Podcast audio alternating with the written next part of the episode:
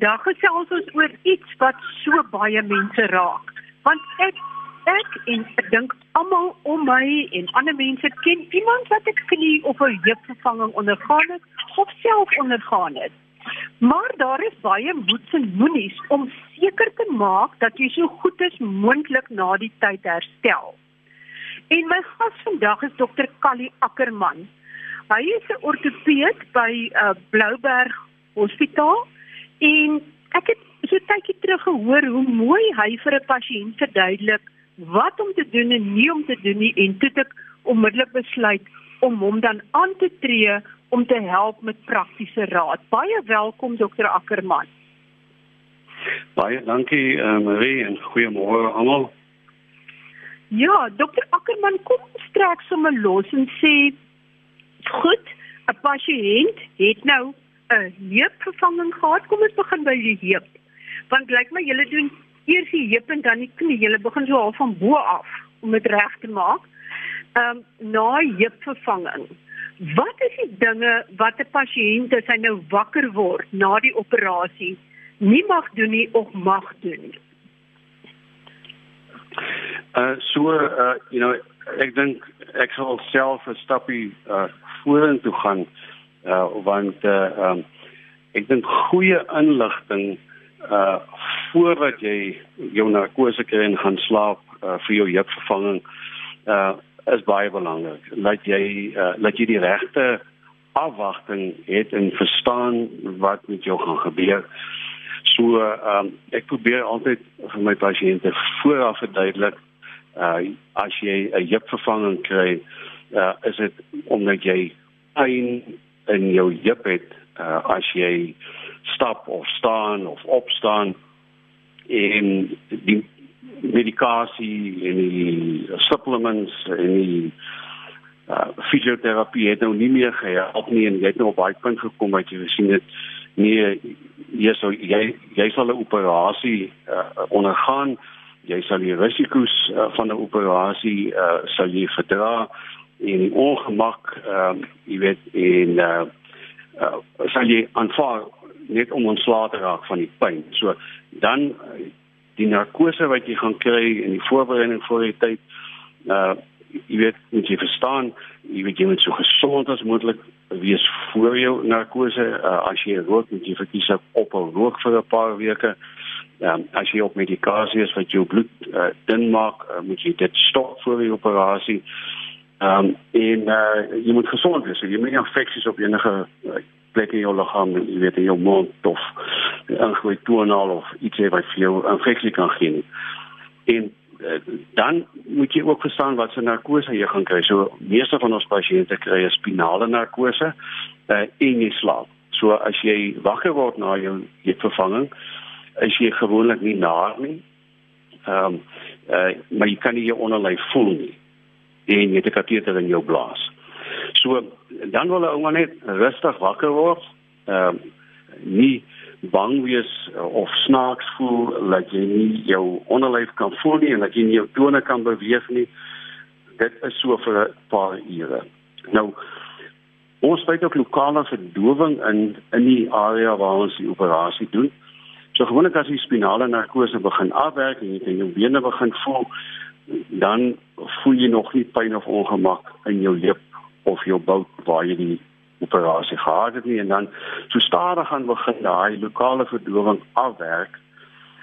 En mens moet dan nie skrik as jy so daai eerste nag of laat in die middag begin pyn in jou bout of in jou heup kry en dis nog nie die lokale verdowing wat afgewerk het. En ehm um, ook om rustig te wees en te weet hoor jy daar gaan 'n bietjie pyn en ongemak wees Uh, dit gaan nie so erg wees soos wat jou heupyn was voor die tyd nie. Ehm um, en daar is goeie medikasie wat jy kan gebruik as jy vra. En jy moenie probeer braaf wees en te wag tot die pyn te erg is voor jy jou verpleegkundige vra nie. Maar as jy begin sien dat jy dat jy net die medikasie wat opgeskryf is kan gebruik. So, maar um, maar van daai pynmedikasie kan jou pinkrenostertjies in die dak sien laat laat loop of nie? Uh, dit kan maar dit is dis skaars. Dit dit baie skaars dat dit gebeur. Ja, gewoonlik is dit 'n uh, um, uh, anti-inflammatoriese medikasie, uh, 'n gewone Panado of parasetamol en dan is dit gewoonlik 'n lae dosis ehm um, uh, narkotiese pynmedikasie. Uh, gewoonlik gaan jy kan jy dit self met 'n uh, knoppie druk soos uh, die pasiënt ehm um, kan self op 'n uh, knoppie druk en dan kan hy homself 'n bietjie pynmedikasie gee. Dit baie selfe wat dit mense die mekaar maak. Goed, so die, uh, die is pyn beter beheerbaar as jy maar 10 en 20 jaar terug. Baie beter. Ja, dit, dit is betekenisvol beter van die narkose medikasie wat ons nou gee, die uh, interoperatiewe steroïde en pynmedikasie. Uh wat ons ons gee ook nou ehm um, uh, goed wat uh, mense minder laat bloei interoperatief wat ook 'n potente anti-inflammatoriese medikasie is wat ook baie goed werk vir pyn en dan die steroïde wat as mense gee dat hulle nie na word nie help ook baie dat jy nie daai eh, daai erge skielike pyn kry na uh, 'n uh, vervanging maar mens moet ook onthou dat as aan jou bene gekap en stukkend gemaak en goed so jy kan ook nie verwag om nie pyn te hê nie. Daar gaan 'n bietjie pyn wees maar eh, soos jy nou sê ons begin nou met die heupvervanging wat regtig uh, baie minder pyn na die operasie is as wat 'n knievervanging byvoorbeeld sou wees. Maar dit bitter selde wat uh pyn na 'n heupvervanging van die begin af uh 'n vreeslike probleem vir die pasiënte is. Goed, nou nou, hoeveel dae kan mens wat doen? Lê jy nou maar die eerste dag? So, of um, hoe moet jy as, opstaan? Wat is wat is julle protokolle? So as as jy eers in die dag gedoen wat sal jou narkose hierso sewe half 8 se kan begin en dan sal die fisioterapie jou al hierso 3 of 4 se kan uit die bed uit kry. Uh, eers laat sit seker maak dat jy nie duiselig of swak voel nie en dan sal jy begin staan en jou eerste paar tree begin stap op dieselfde dag as jou operasie. As jy jou operasie 4 of 5 in die middag eers klaar is, jy weet dan sal mens is of sie weer af vir die volgende oggend sal die fisioterapeut jou uit die bed kry en jy sal jou eerste paar reageer met jy sterk genoeg voel en nie swak en duiselig is nie. Hoekom is dit so belangrik dat jy so gou weer moet beweeg? As jy mens te lank stil lê, dan raak jou lyf styf.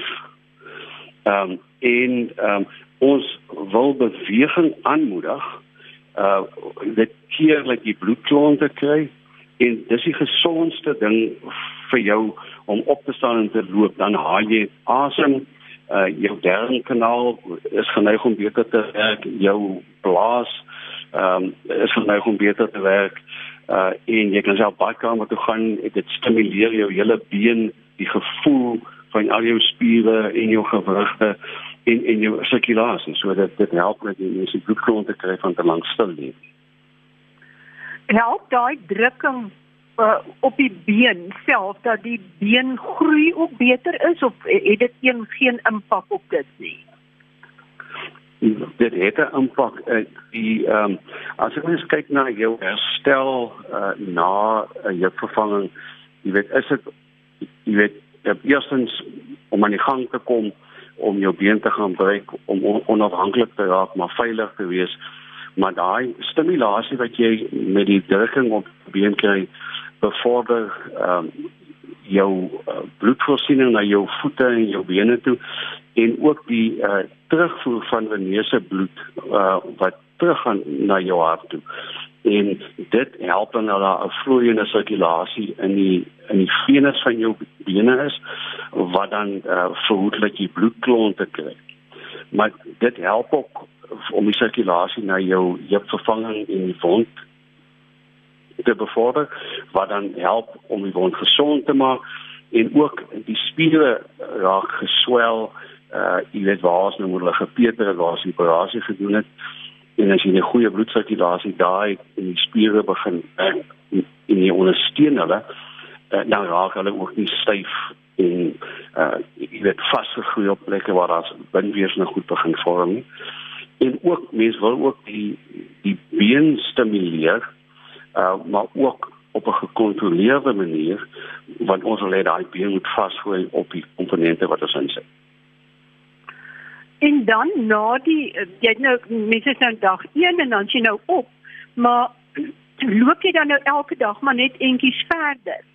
En is daar spesifieke bewegings wat jy nie moet doen nie? Sekere moet jou knieë byvoorbeeld hoor wees as jou heupe of jou laar is jou heupe is daar sekere uh aksies wat jy nie moet uitvoer nie.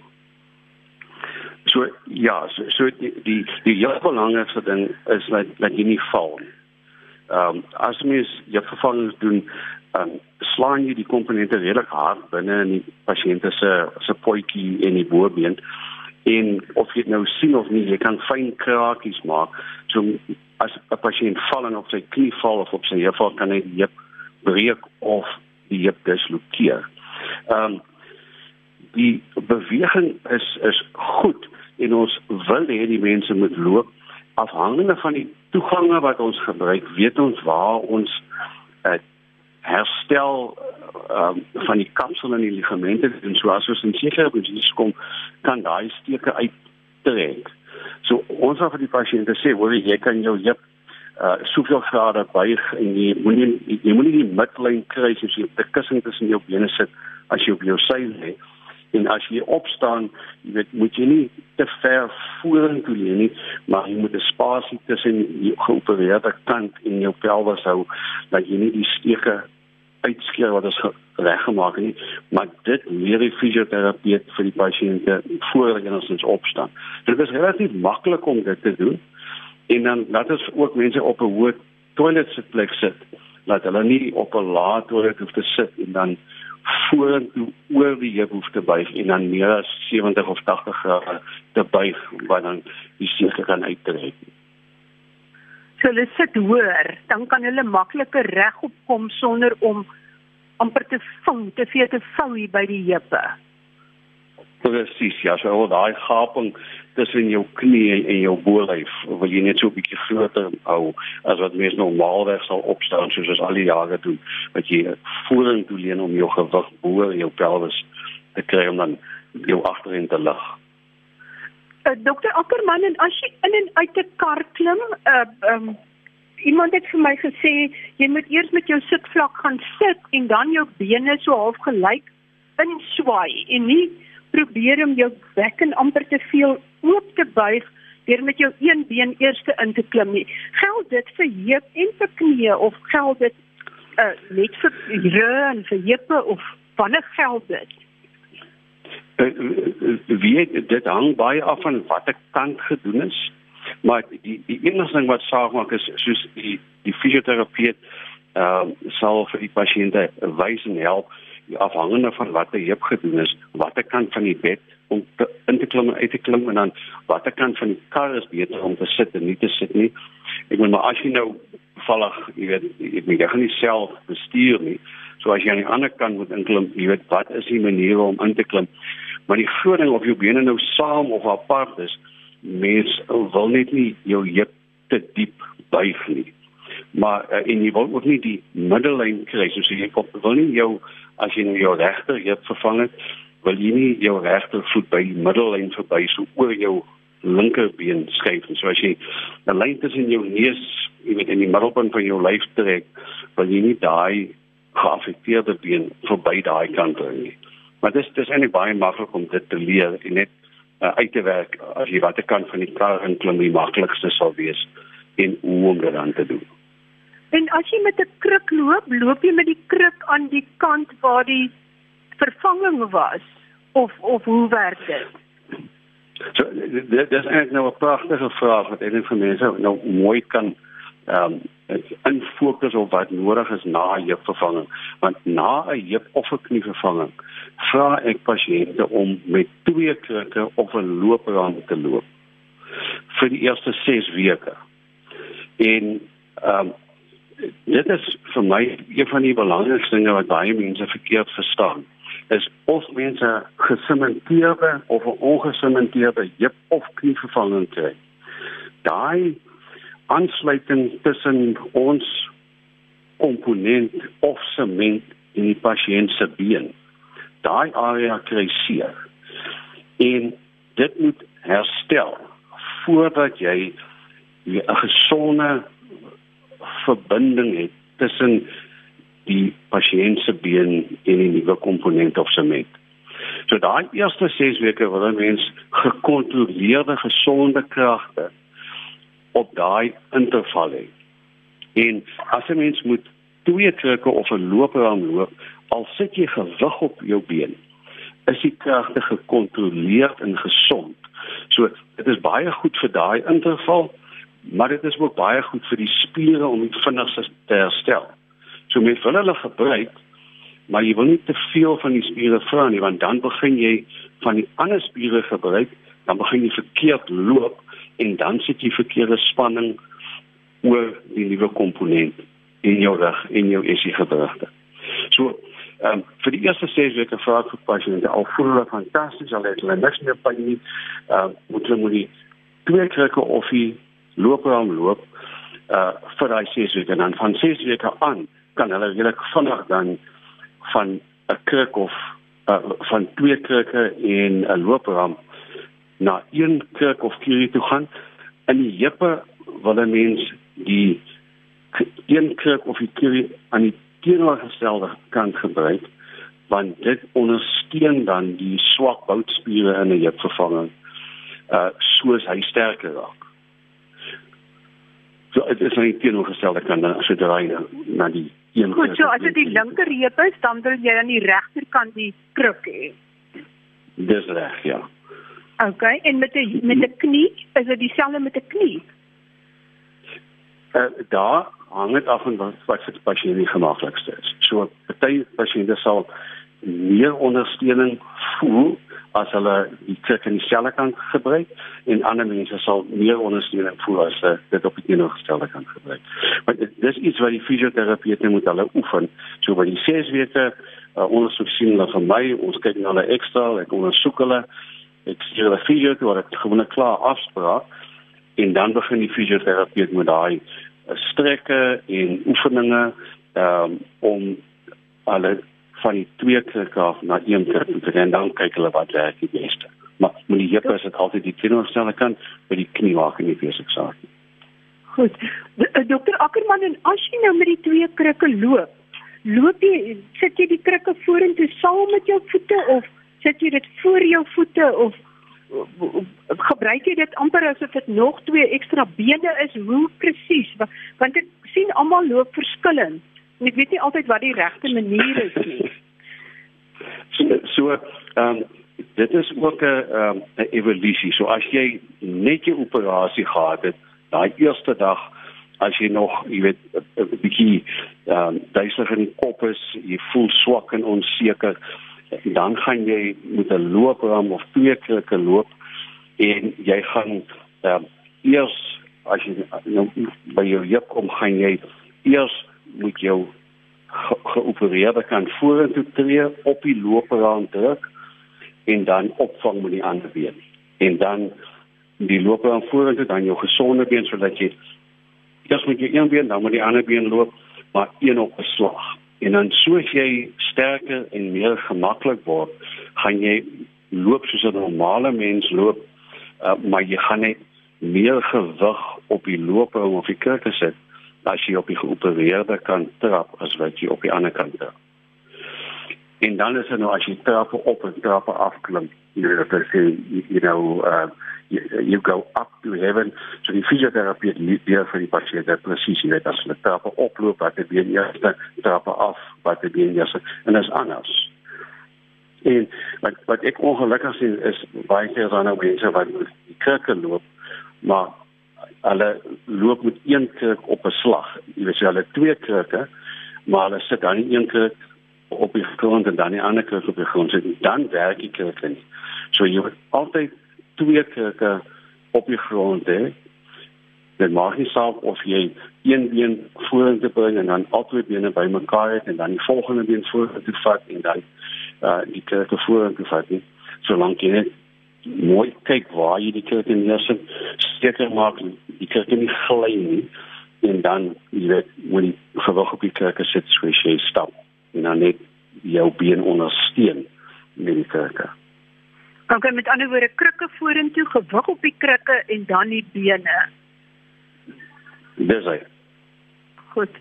Ehm um, dokter Ackerman, jy het gesê dit is uh, meer pynlik na knievervanging. Is uh ehm um, is daar 'n spesifieke rede daarvoor en moet mens iets anders doen?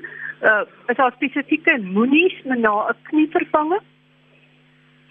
Uh daar's daar's riglyne so uh, ons sien dat mense wat volle knievervangings of revisie knievervangings kry, ehm um, het meer pynmedikasie nodig as iemand wat 'n halwe knievervanging nodig het en kry uh, en en dan nog die heupvervangings kry het nog minder pynmedikasie nodig. So ons moet die pasiënte met die volle knievervangings pyn ook goed hanteer. Uh, dit voel net 'n bietjie meer pynmedikasie nodig. Uh, ons ge gebruik yspakke en ek het nou so 'n ysmasjien wat ek opsit wat die knie koud maak wat baie help vir die. Ehm um, en dan is die groot fokus op die knie om die knie te laat buig al is dit seer. So ehm um, dis dan daai baie delikate balans van pynkontrole, ehm um, ys en ehm um, die fleksie oefeninge. So uh, ek verduidelik vir die pasiënte die ritueel laat hulle moet ehm um, uh, gaan sit op 'n stoel vier keer 'n dag, hulle die regte pynmedikasie gebruik, yspakke opsit, dit kan vir om die knie koel te maak en die pynmedikasie in werking te kry. En om dan met hulp te sit en vir 45 minute die knie net verder terug te buig waar iemand hulle so 'n bietjie ondersteuning gee, maar nooit die knie reguit te maak nie, want die, die hele doel daarvan is om die edeem en vog en swelling uit die spiere en die selle uit te druk. En as jy dit net buig en reguit maak, buig en reguit maak, dan doen die mense nie hulle dit nie. En dit is tydsensitief. Mense net 6 weke om daai knie optimaal te buig. So jou pynmedikasie moet optimaal wees. Uh jy moet help hê en jy moet gedissiplineerd wees en jy jy moet maar jou tyd insit. En dan ek besig gewoon nie veel energie om sig rond te loop en ander oefeninge te doen nie. Waar die heupe van pasiënte nie sulke goed nodig het. So die seerste ding eintlik van die knievervanging is maar om jou knie te buig uh, as jy so geswel en styf en seer is. Maar dit is nodig om om te buig om 'n goeie funksionaliteit te hê. En natuurlik as jy seker agterkom iets is nie heeltemal reg nie. As iets jou pla, dan moet jy nie eers wag vir die 6 weke of die 12 weke afstraf jy moet jy maar eerder gouer teruggaan na die chirurg toe of of uh, um, is dit so dat ja, mense maar so, vasbyt en dink dit moet so wees en dan dan is daar eintlik iets wat reggemaak moes gewees het? Nee ek ek dink daai ehm um, daai persoonlike ondersteuning van jou eie chirurg is is verskriklik belangrik ehm um, mense vergeet as jy so 'n groot operasie gekry het en jy het pynmedikasie en jy's al 'n bietjie ouer. Ehm um, as ek vir my pasiënte op dag 3 of 4 presies verduidelik wat hulle moet doen en vir hulle, jy weet 'n brief of 'n nota saamgee. As ek hulle 10 dae na die tyd weer sien, het hulle baie van dit goed vergeet of verkeerd verstaan. So ehm um, hulle is bang hulle skeer die wond op as hulle te ver terugtrek as 'n voorbeeld. So ek sien al my pasiënte 14 dae na die operasie uh en dan 4 weke na die operasie en 6 weke na die operasie. Want as hulle iewers iets verkeerd verstaan, as die pynmedikasie nie goed werk nie, as hulle nie heeltemal verstaan dat hulle die knie moet buig nie, dan kan 'n mens dit nog verander en as hulle regtig nou 'n paar weke lank die knie glad nie beweeg het omdat dit seer was nie, uh ek meen dan kan 'n mens die knie in die teater net verder gaan buig en dit kan nog werk. As jy by 6 weke verby gaan werk dit nie meer nie. So jy weet daai eerste 6 weke na vervanging is is belangrik om jy weet 'n goeie uh, vinger op die pols te hou dat jy pasiënt goeie pynmedikasie kry, jy weet goeie beweging kry. Jy weet die pille kan hanteer om die oefeninge te kan hanteer. Jy anders moet jy help. Dokter uh, Ackerman, ons tyd is besig om ons in te haal net twee baie uh, kort vrae met kort antwoorde. Die eerste een is is fisioterapie baie belangrik na 'n heup of ja. knie vervanging of enige heup of knie operasie. Verseker. Ehm um, ja. Goed. En dan ja, want ek dink baie mense gaan miskien die eerste keer en dan dink hulle nee, wat is te veel moeite of dis nie so belangrik nie. So gaan maar na jou fisioterapeut toe. Dan net 'n laaste kort vraag en dit is draai mense baie keer te lank voordat hulle gaan vir 'n knie of 'n heupvervanging. Kan dit ook te laat raak dat mense vasbyt en vasbyt omdat hulle bang is vir die operasie en dan eintlik daai uh, gedeelte waar dit nog herstel kan word mis. Die kort antwoord is verseker ja. So as jy begin pyn kry en dit raak ongemaklik om te loop, het jy jou knie of jou heup, kom maar by iemand uit want die tyd kan verbygaan wat die verbrokkeling te groot raak om jou 'n goeie herstelkans te gee. Uh, Dr. Ackerman, 'n laaste sin van jou vir die wat die luisteraars van moet kennis neem voordat ons afsluit? Ehm um, daar is 'n optimale tyd om 'n heup of 'n knie vervanging te kry. So jy kan dit te gou kry of jy kan te lank wag. So ehm um, as jy op die regte tyd ehm um, gaan en jy kan dalk net 'n halwe knie vervanging kry, nie 'n volle knie vervanging nie, maak dit veiliger en beter uh, as jy 'n heupvervanging moet kry, as jou funksie nog goed is en jou beweging is nog goed en jou heup is nog nie so uh, die spiere om jou heup is nog nie so swak nie, dan herstel jy vinniger en beter. So daar is 'n optimale tyd. Baie baie dankie dokter Ackerman. My gas vandag was dokter Callie Ackerman, hy's 'n ortopeed in Blouberg. En soos hy gesê het, daar's 'n optimale tyd en moenie vergeet van die fisioterapeut nie. En dan kan ek ook net by sê dat om 'n heup of 'n knievervanging te doen is nie net bloot oopsny en kap en goeters insit nie. Dit is omtrent 'n meetkunde en op die rekenaarmodelle word presies uitgewerk watter protese is die beste, watter hoek en presies hoe dit gedoen moet word. So baie vooruitgang gemaak en as dit jou kan help, laat dit doen. Moenie te bang wees nie want heupvervangings kan deesdae baie lank hou. Tot volgende week dan wanneer ek weer gesondheidsake gesels. Baie groete van my, Marie Hudson.